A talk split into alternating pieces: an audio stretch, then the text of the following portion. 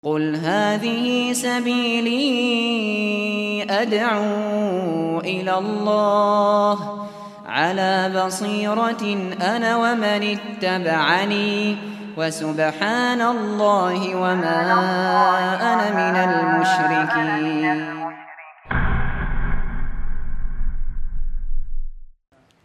Bab 25 Macam-macam sihir. Imam Ahmad mengatakan Muhammad bin Ja'far telah meriwayatkan pada kami dari Auf dari Hayyan bin Al-Ala dari Qatan bin Khabisah dari bapaknya radhiyallahu anhu. Dia mendengar Nabi sallallahu alaihi wasallam bersabda innal iyafata wa tarqa wa tiyarata minal jibt sesungguhnya iyafah tarq tiyarah adalah termasuk jibet atau sihir. Nah, tadi kan jibit kita sudah pelajari nih. Jibit itu sihir kan? Tapi di garis bawahi sihir ini, jibit atau sihir. Kita nanti lihat apa pengertian dari tadi. Iyafa, torak, tiara. Kita lihat pengertiannya di bawah ini. Auf.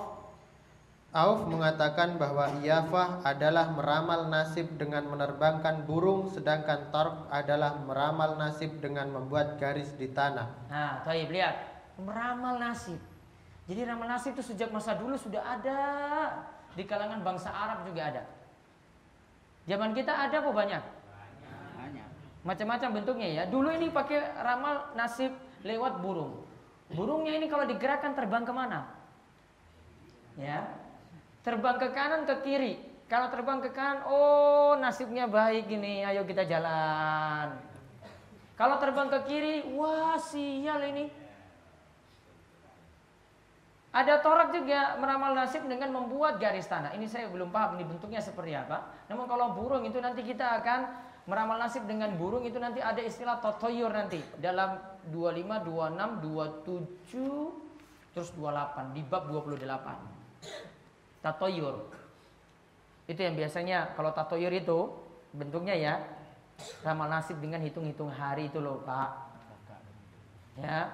Ramal nasib dengan hitung-hitung hari pakai ilmu-ilmu primbon loh yang dulu jenengan pakai itu kalau mau nikah anaknya. Ya kan? Ya kan? Itu hitungnya berapa hari Bapak untuk putuskan kayak begitu? Seminggu lebih, Gur. Ya. Kalau anaknya sudah kebelet nikah kepiye kowe? Seminggu. Kalau dia misalnya mau seminggu langsung mau nikah nggak boleh. Ya harus ramal dulu. Ramal dulu. Terus kalau misalnya sudah dapat ramalan, Laksanakan. laksanakan. Hari ini dipilih, makanya sampai ada hari Jumat pun dipilih untuk rabi, nikah, angkat nikah situ sama pesta sekalian toh. Jumat pernah kan? Wah, itu. Sampai orang Jumatan loh. Soalnya saya pernah datang, eh, saya bukan pernah datang, saya datang ke para ini dulu, ya. Itu awalnya dulu ketika Jumatan itu. Lihat ini kok mantan pas Jumatan ini mau sholat Jumat ya ini sibuk kanan kiri ke mantan ini datang ke situ. Nggak ada yang Jumatan. Ya Allah ini baru seumur hidup saya nggak Jumatan itu berarti. Ternyata Jumatannya itu di sini masjid ini ternyata. Ternyata kepincutnya juga di sini ternyata juga Bukan rahasia. udah aku sholat tenan loh aku sholat macam-macam iki sholat tenan loh pak orang lirik-lirik sana sini loh Ih, sholat tenan loh pak Orang hormat itu hitung neptu kayak jenengan, itu hitung kliwone piro, pone piro, boten. Gur ngurusnya seminggu kok langsung. Oh, soalnya orang kuat, jadi tetap seminggu cepat pak. Kalau enggak saya enggak mau, Gus. Langsung, gampang kan? Orang mikir suwe-suwe, orang enam sasi, wah suwe banget jadi kalau saya kuat. Pakai-pakai nyantri lagi ya Allah.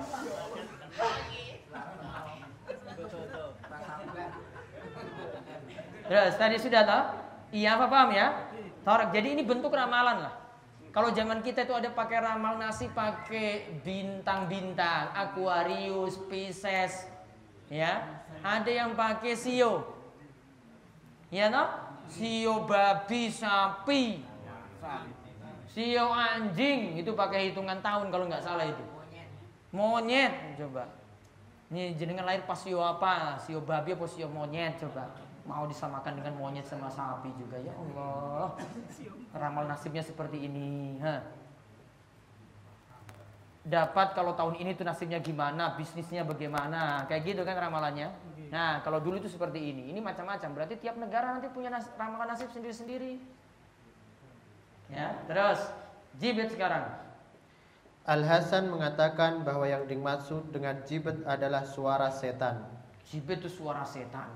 Berarti bisik-bisikan setan seperti itu. Terus hadis dari Qabisah nah, sudah Ibnu Abbas sekarang.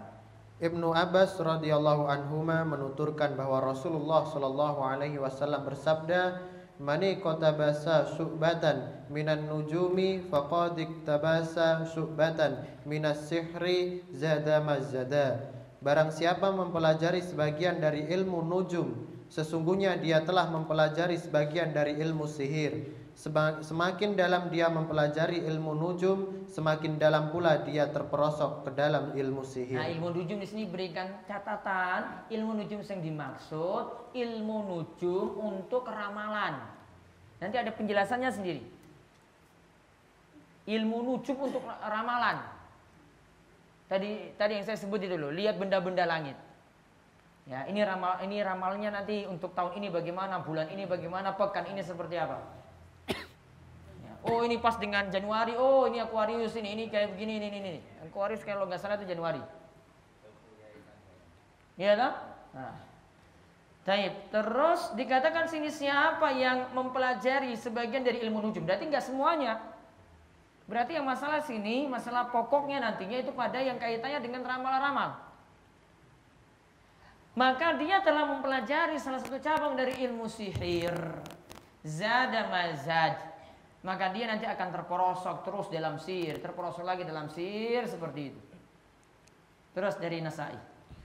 Nasai meriwayatkan hadis dari Abi Hurairah.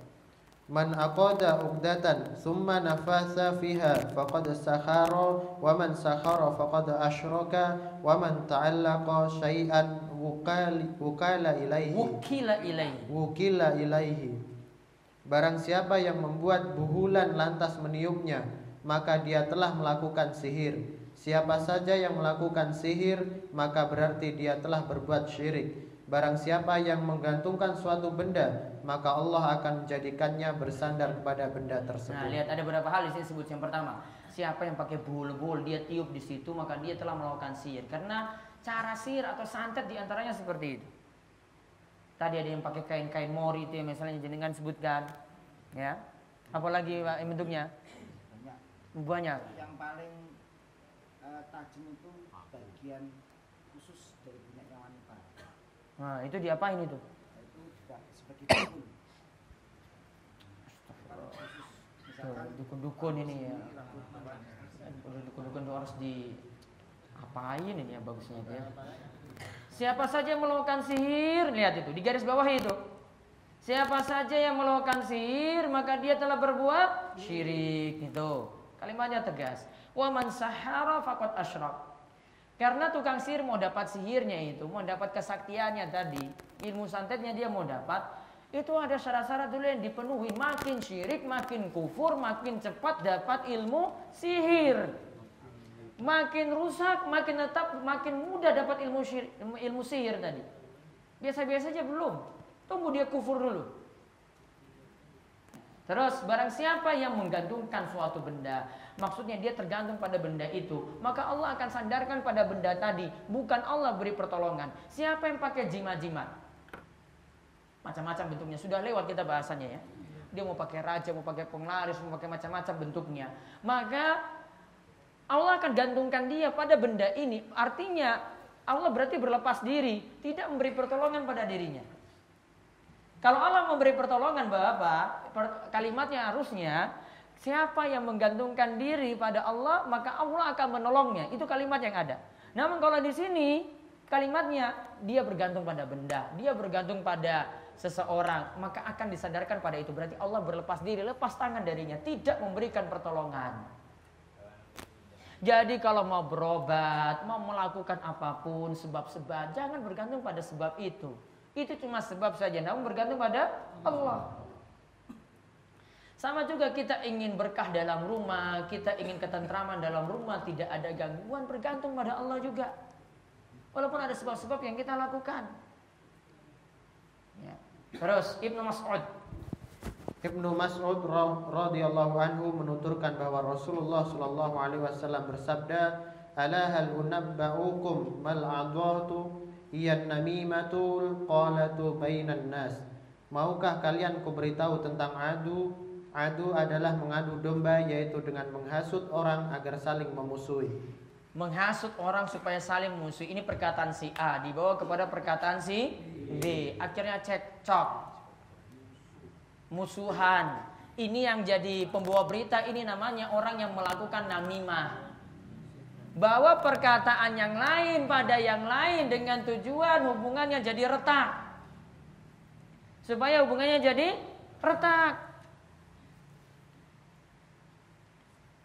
Nah, itu namanya namimah. Nah, di sini dikatakan ini juga termasuk sihir karena sihir semua bin masukkan dalam pembahasan sihir. Nanti kita akan simpulkan terakhir. Sihir itu untuk istilah apa saja. Terus yang terakhir diriwayatkan. Diriwayatkan oleh Imam Bukhari dan Muslim dari Ibnu Umar radhiyallahu anhu dia menuturkan bahwa Rasulullah Shallallahu alaihi wasallam bersabda, "Inna minal ba inna, inna minal bayani la Sesungguhnya di antara untayan kata yang indah itu ada yang bisa berpengaruh seperti sihir. Kenapa demikian? Orang kalau ngomongnya sudah pintar ngomong itu bisa menyihir orang. Ini maksudnya. Ya, jadi ada sesuatu yang disebut sihir karena dapat menakjubkan orang lain. Yang kita bisa lihat di sini sesuatu yang sama juga menakjubkan ketika dia main gerak-gerak tangan bisa menyulap, bisa menipu pandangan orang. Nah, ini juga masuk sihir ya pesulap-pesulap itu loh karena dia mengagungkan orang wow bisa kayak begini ya? Ya sekarang kita lihat sekaligus saya terakhir kasih kesimpulan apa saja yang dimaksudkan dengan sihir di sini? Kandungan bab. Kandungan bab. Satu iyafa torb dan tiarah termasuk jibet. Jibet tadi apa? Hmm. suara setan atau setan tadi nggih? Ya baik. Berarti iafa torok dan tiaroh itu terlarang. Tiaroh diberi catatan, tiaroh itu beranggapan sial. Iafa dan torok itu tadi ramalan nasib. Tiaroh tadi anggapan si sial.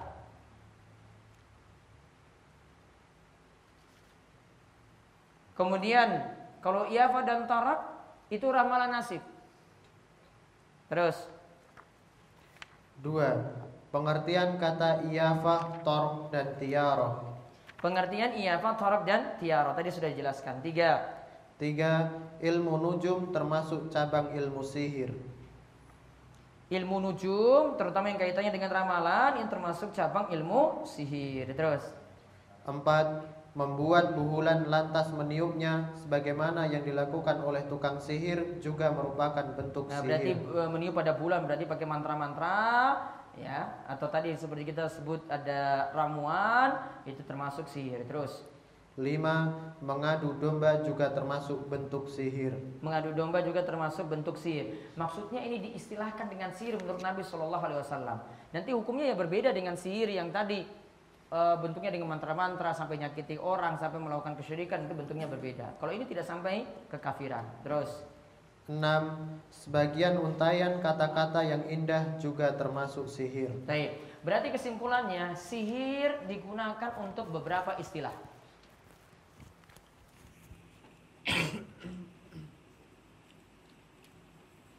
sihir digunakan untuk beberapa istilah. Satu,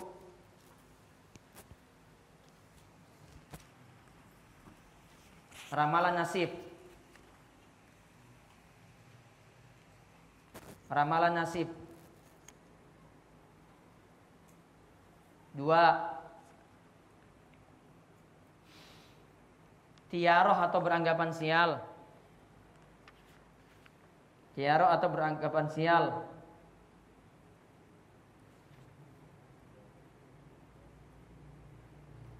Tiga.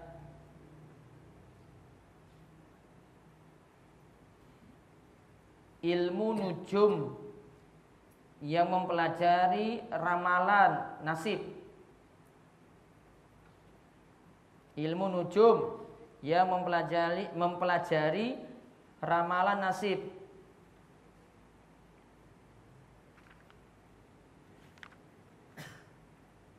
Berapa lagi? Empat.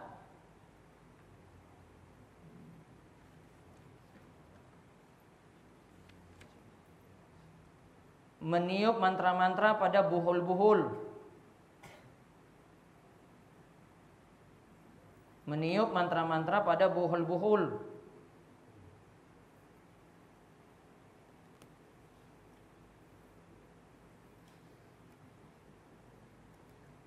Bahkan ini termasuk syirik. Dilanjutkan bahkan ini termasuk syirik.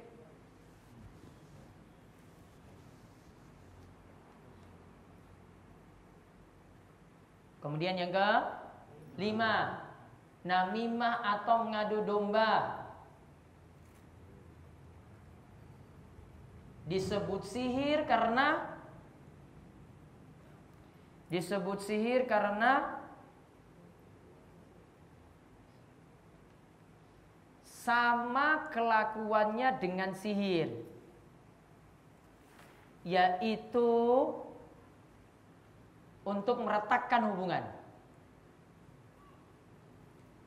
yaitu untuk meretakkan hubungan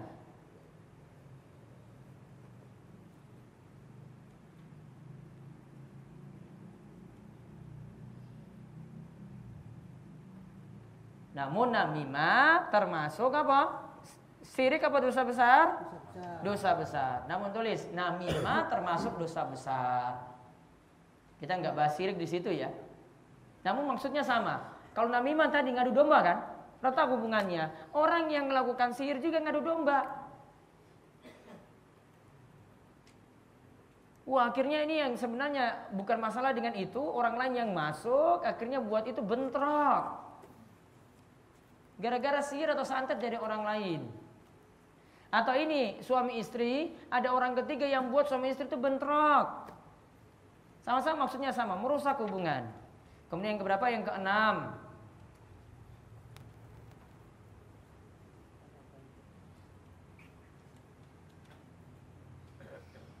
Kalimat yang membuat orang itu takjub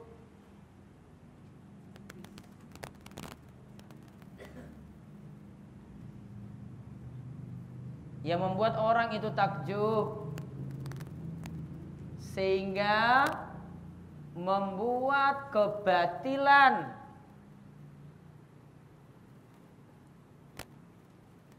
dianggap benar karena ada orang yang pintar ngomong, ngomong seperti itu kan ngomong gitu yang penting orator itu pintar ngomong padahal suruh orang itu buat syirik ya dia pintar ngomong gitu Wah ternyata langsung terjerumus dalam syirik.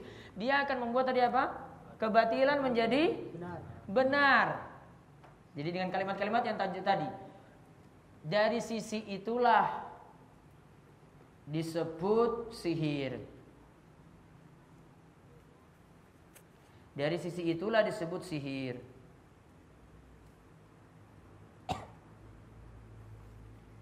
Karena pengertian sihir adalah menyamarkan seperti tadi disebutkan ya. Jadi arti kata sir secara bahasa tadi kan samar.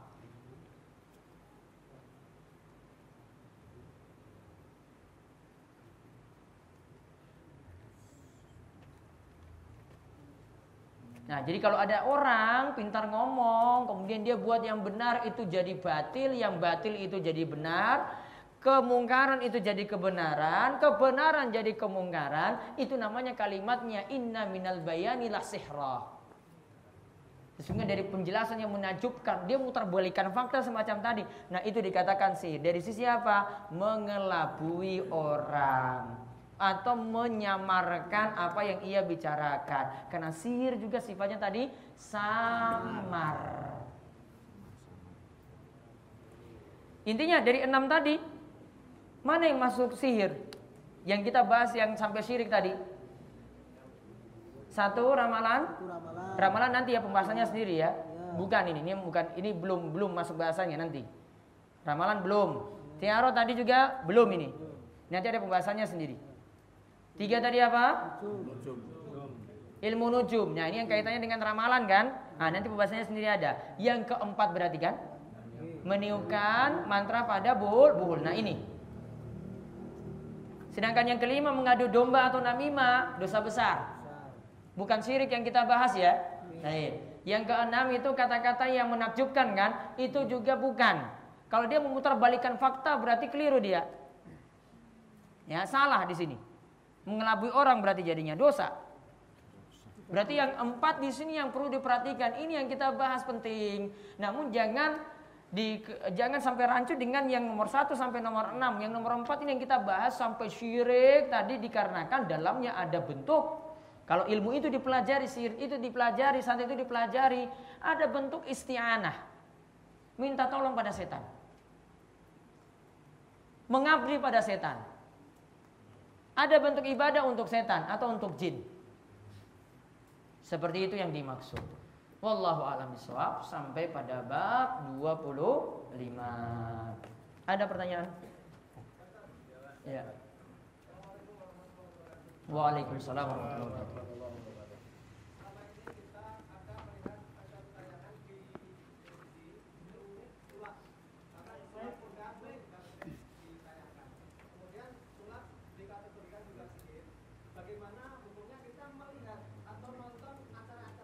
Enggak boleh. Enggak boleh nonton acara sulap. Berarti diapusi oleh pesulap tadi.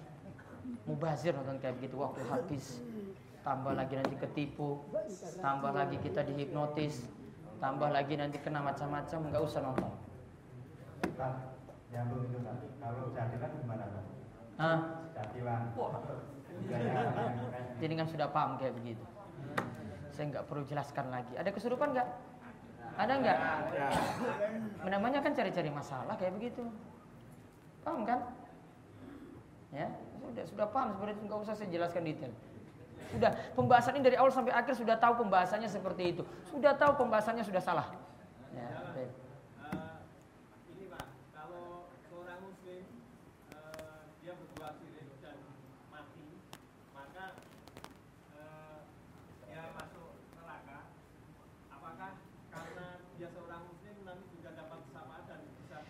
Orang musyrik tidak akan mendapatkan syafaat pada hari kiamat.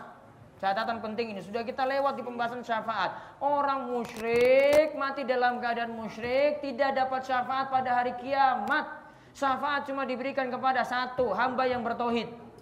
Dua, modal penting yang kedua, itibak pada kanjeng Nabi, ngikut tuntunan kanjeng Nabi, baru dapat syafaat. Dua ini tidak dipenuhi, tidak dapat syafaat. Dia cuma dapat satu syafaat saja syafaat untuk cepat dihisap. Namanya syafaatul uzma. Itu saja semua dapat, semua manusia dapat, muslim maupun kafir. Syafaat yang lainnya, kalau dia musyrik, mati dalam keadaan musyrik, tidak keluar dari neraka, tidak dapat syafaat, kekal dalam neraka terus. Maka ini penting diingatkan tentang masalah ini. Coba lihat, mati dalam keadaan musyrik itu gimana coba? Selesai kan berarti urusannya? Ya. Mau bahas syafaat sih itu nggak masuk syafaat. Ya, Orang musyrik ingat baik-baik, diingatkan baik-baik itu. Orang musyrik nggak akan dapat syafaat. Meskipun dia minta pada orang soleh syafaat tadi. Orang soleh tadi tidak bisa berikan syafaat untuk dia. Ya, dia datang ke kubur ya, minta pada orang soleh syafaat. Sudah pernah kita bahas ini. Datang minta mohon sekali pada orang soleh tadi. Wahai wali Allah berikanlah kami itu syafaat. Tidak akan diberikan syafaat oleh orang soleh. Itu malah jadi penghalang dia untuk dapat syafaat. Terus. Assalamualaikum warahmatullahi wabarakatuh. Waalaikumsalam warahmatullahi wabarakatuh. Saya tanya Pak Ustaz karena saya takut kalau menjadi orang syirik. Saya pernah undang tetangga atau warga saya yang anaknya di antara umur 2 tahun ke bawah itu menangis sejak matahari terbenam sampai larut malam tidak bisa diam atau nangisnya kencang-kencang. Ya. Saya diundang karena saya orang bodoh atau belum kami untuk mendoakan gitu. Ya. Nah, saya segera mendatangi. Kami berdoa dengan baca Al-Fatihah, Nas Falak Ikhlas ayat Terus saya mohon kepada Allah, Ya Hayu Ya Hayu bi rahmatika astaghis, Ya Hayu ya Qayyum bi rahmatika astaghis. Ya Allah, berilah dia anak yang baru menangis. Terus saya ucapkan salam, saya salami tangannya. Langsung diam. Langsung ya alhamdulillah. Itu pagi tadinya ibunya berterima kasih di tempat saya. Ya, begitu seperti nanti jangan sampai saya dianggap sebagai dukun. Itu. Bagaimana? Jadi kan baca apa tadi? Bagaimana? Baca bacaan apa tadi? Bacaan saya Al-Fatihah, Nas Falak, Ikhlas, Al-Kursi Terus saya berdoa kepada Allah Ya Hayu, Ya Qayyum, bi rahmatika astaghis Waisyat yang hidup, Waisyat yang berdiri kan Dengan rahmatmu kami mohon pertolonganmu Saya berdoa begitu Terus saya bacakan salam Anak itu langsung diam Nah, terus keluarganya berterima kasih pada teman saya. Nah, takut saya nanti saya itu nanti dianggap sebagai dukun itu nanti mohon dengan yang kedua ini Kalau yang- tadi betul sudah Ya. betul seperti itu. Yang kedua. Sebentar, saya jawab dulu. Saya nggak bisa. saya nggak bisa numpuk pertanyaan. Ini nggak saya catat. Eh, seperti itu betul Pak. Ya, itu tadi yang ruki yang kita sebut baca Al-Fatihah, ayat kursi, Al-Ikhlas, Al-Falaq, An-Nas. Betul, sudah. Terus jenengan salaman saya sudah sembuh. Wah itu bukan karena salamannya itu. Namun tadi yang jenengan sudah baca tadi. Bukan langsung salaman, uh langsung diam itu. Sakti sekali cuma salaman tok gue. Bukan. Yang ayat- kedua, Pak. Iya. Yang kedua, tetangga saya ada yang akan sakaratul maut. Iya. Sejak pagi sampai siang belum meninggal, tidak bisa meninggal. Terus suaminya kepada tempat saya menangis, mohon pertolongan supaya didoakan jika engkau sudah akan dikembalikan, dimudahkan dengan roh yang akan keluar. Nah, terus saya datang, saya berdoa seperti tadi. Terus saya baca syahadat, terus kami bacakan kalimat la ilaha illallah, la ilaha illallah. Saya ucapkan di tubuhnya, ya saya keluar dari rumahnya, ternyata langsung meninggal. Tapi dulu, tapi ini ada anehnya Pak. Ini ada anehnya.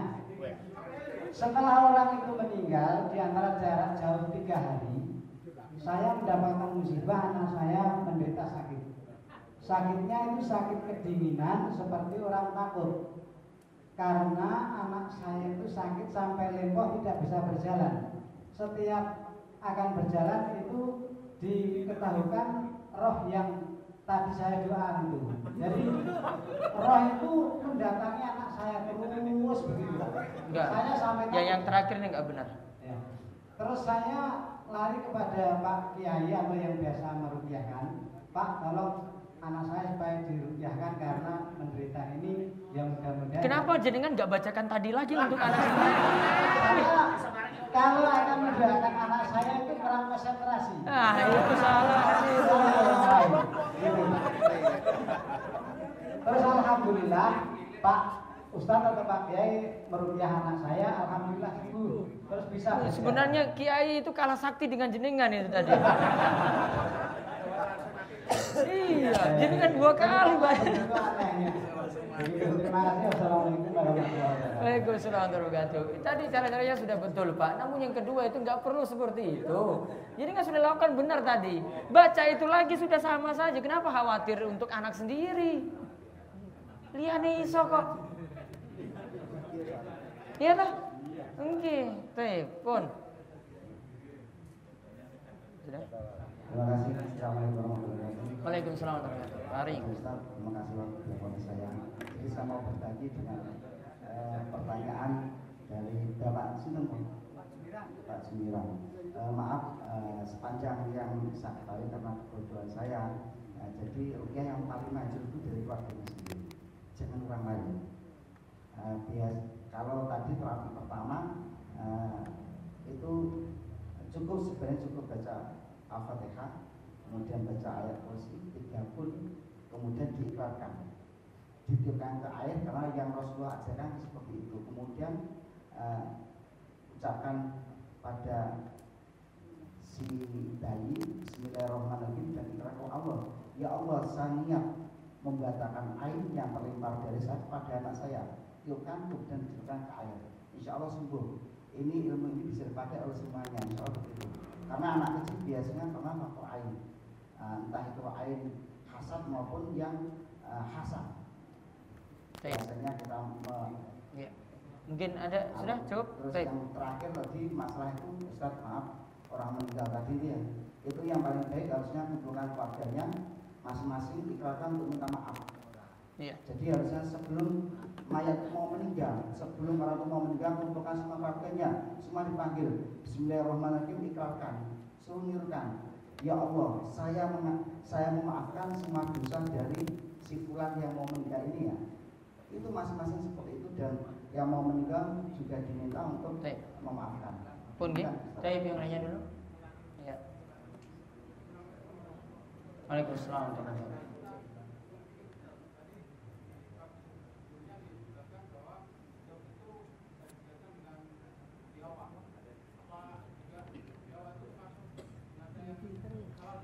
Bob itu halal dimakan, kalau biawak beda lagi. Sehingga tadi cuma dikatakan sejenis, namun tidak sama. Bob itu binatang padang pasir, sedangkan biawak itu tidak ada di padang pasir, berbeda makanya. Makanya saya kurang pas kalau diterjemahkan dengan biawak. Bob bilang saja Bob binatang padang pasir selesai. Ya. Jadi nggak rancu. Baik, terus.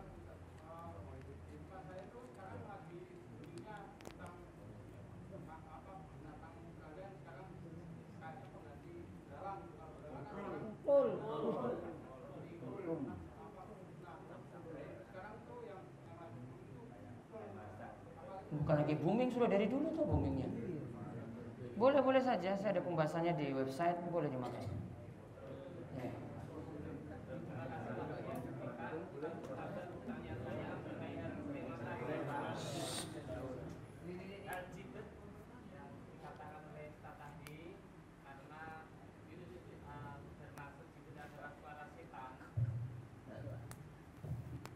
dengan nama setan sendiri itu kita meyakini bahwa setan itu barang yang gaib bahkan suaranya pun kita semuanya belum pernah mendengarkan. Yang saya tanyakan suara setan itu apakah lewat para dukun atau orang para sihir-sihir yang sudah disihir ataukah secara langsung suara setan itu sendiri? Dan suara setan itu sendiri mungkin ada ya mungkin ada ciri-cirinya. Apakah yang disuarakan oleh setan itu? Pada eh, arti yang dikatakan jimat adalah suara dari. Baik, ya mungkin pengertian yang tepat di sini ini bukan suara setan secara hakiki di sini. Namun bahasa Arabnya itu zannatu syaitan. Bisik-bisikan setan. Kalau suara langsung Allah alam, saya kurang pas mengartikan seperti itu. Mungkin bisik-bisikan setan lebih pas atau godaan setan.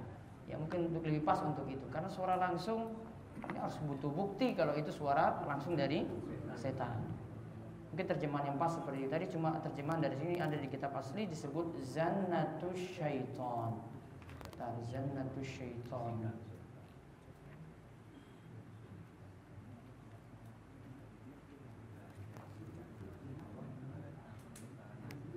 Di sini suatu syaitan.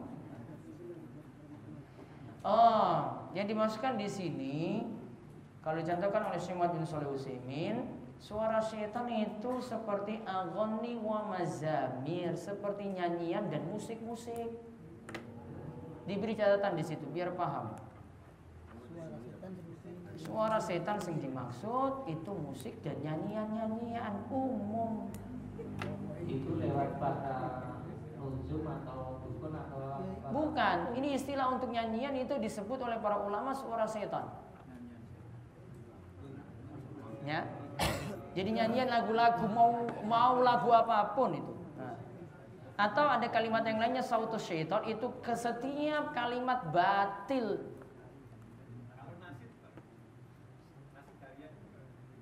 Nasyid tanpa alat musik boleh.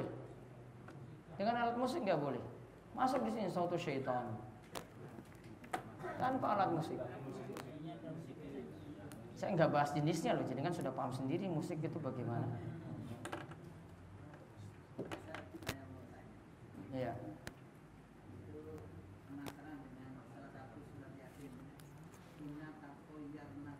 inna tatayyarna bikum. La in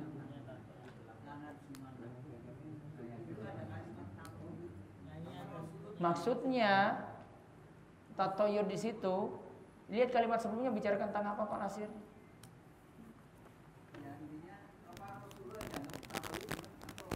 Iya, karena ada Rasul yang bawa kebenaran itu datang. Ketika datang sial, mereka anggap, oh ini gara-gara kamu, ini kami jadi sial. Jadi pengertiannya kayak gitu. Jadi gara-gara Rasul ini datang, kami dapat sial. Jadi dia tatoyur dengan kedatangan Rasul atau utusan yang bawa kebenaran. Seperti itu.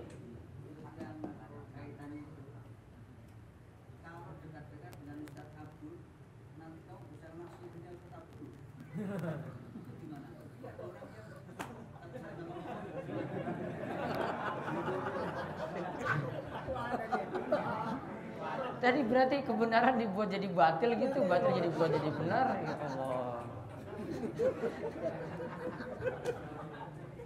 Saya bosir gitu. Itu gosip aja itu Pak Nasir itu. Bilang pengertian apa yang kamu maksud sihir? Kalau memutar balikan kebenaran jadi kebatilan, ya Allah, nauzubillahi min zalik. Iya. Ya, kan. Assalamualaikum warahmatullahi wabarakatuh. Waalaikumsalam. Saya disampaikan Ustaz bahwa mengatakan orang itu selingkuh atau berzina itu ada empat saksi yang menyaksikan. Sekarang pernyataannya, pertanyaannya kalau ada orang membawa istri orang dibawa ke losmen atau hotel itu apakah belum bisa dikategorikan itu? Belum bisa. Karena itu kan Iya selingkuh dari, dari dari pengertian kita yaitu salah jelas salah. Namun kalau dituduh zina butuh empat orang saksi mana buktinya ada yang nonton empat gak?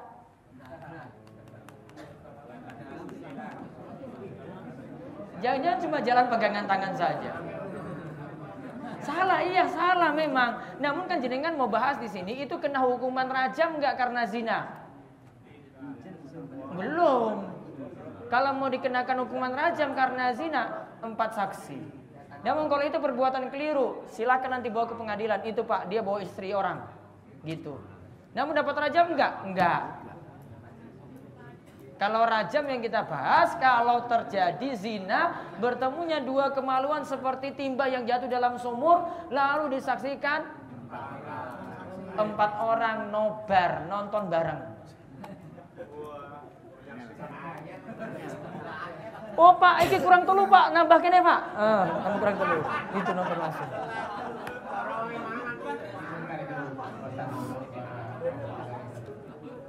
Kalau nggak bisa ada bukti, dia pakai cara lain, ada cara yang tempuh di pengadilan, ada pengadilan Islam ada seperti itu pak. Ya, paham? Jelas dia keliru tadi jalan kan dengan istri orang kan keliru memang. Namun untuk hukuman nanti berbeda, nggak sampai hukuman rajam. Bon, baik. Satu lagi. Masalah bukti persinaan. Satu orang video HP bisa diedit? Iya bisa diedit.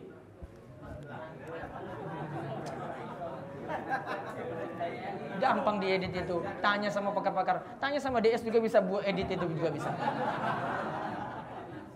Ada software di sini lo ngedit-ngedit kayak gitu gampang. Pakai foto orang lain bisa itu.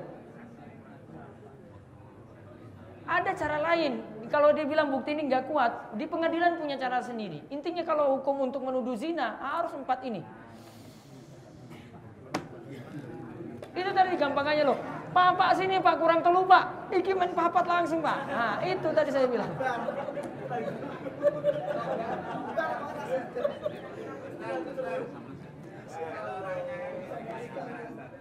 Kalau ngaku sendiri, nah ini baru dapat. Ya, ketahuan kan terus, iya saya ngaku saya berzina. Saya ini perempuan yang ngaku, laki-laki ngaku, kena hukuman rajam dua-duanya. Kalau nggak ngaku ya berarti enggak, nggak bisa jadi bukti pak. Sampai empat orang saksi. Maka bisa beberapa cara. Satu ngaku sendiri, dua datangkan empat orang saksi. Tiga nanti kalau ini nggak bisa, berarti nanti hukum lian nanti yang berlaku, saling laknat seperti tadi saya sebutkan. Makanya tuh bapak-bapak ngaji Sabtu Kliwon, Sabtu Legi itu di pelayan itu bahas selingkuh. Belum rampung perselingkuhannya. Harusnya ini kajian tuh bawa bapak nih yang biasanya selingkuh ini biasanya. Ya. Itu ada di pelayan itu setiap Sabtu Kliwon dan Sabtu Legi itu bahas selingkuh itu belum selesai sampai ayat 10 itu. Urung rampung. Sampun nggih? Nah, habis ini makan siang, setelah itu istirahat, kita lanjut lagi bareng asar. Ya. Bareng asar, satu pertemuan lagi, habis itu sekitar jam 4 atau setengah 5 silakan untuk mandi-mandi dan bebas-bebas kegiatannya ada maghrib baru nanti lanjut kajian lagi. Sampun? Baik, itu saja. Nanti habis asar itu bukan sudah siap di sini. Asar sih nanti sholatnya jam 3, azannya setengah 3. ya, azan setengah tiga standby setengah jam gitulah masih lama sini kan terserah imamnya imamnya yang ngatur mau cepat mau lambat terserah manut imam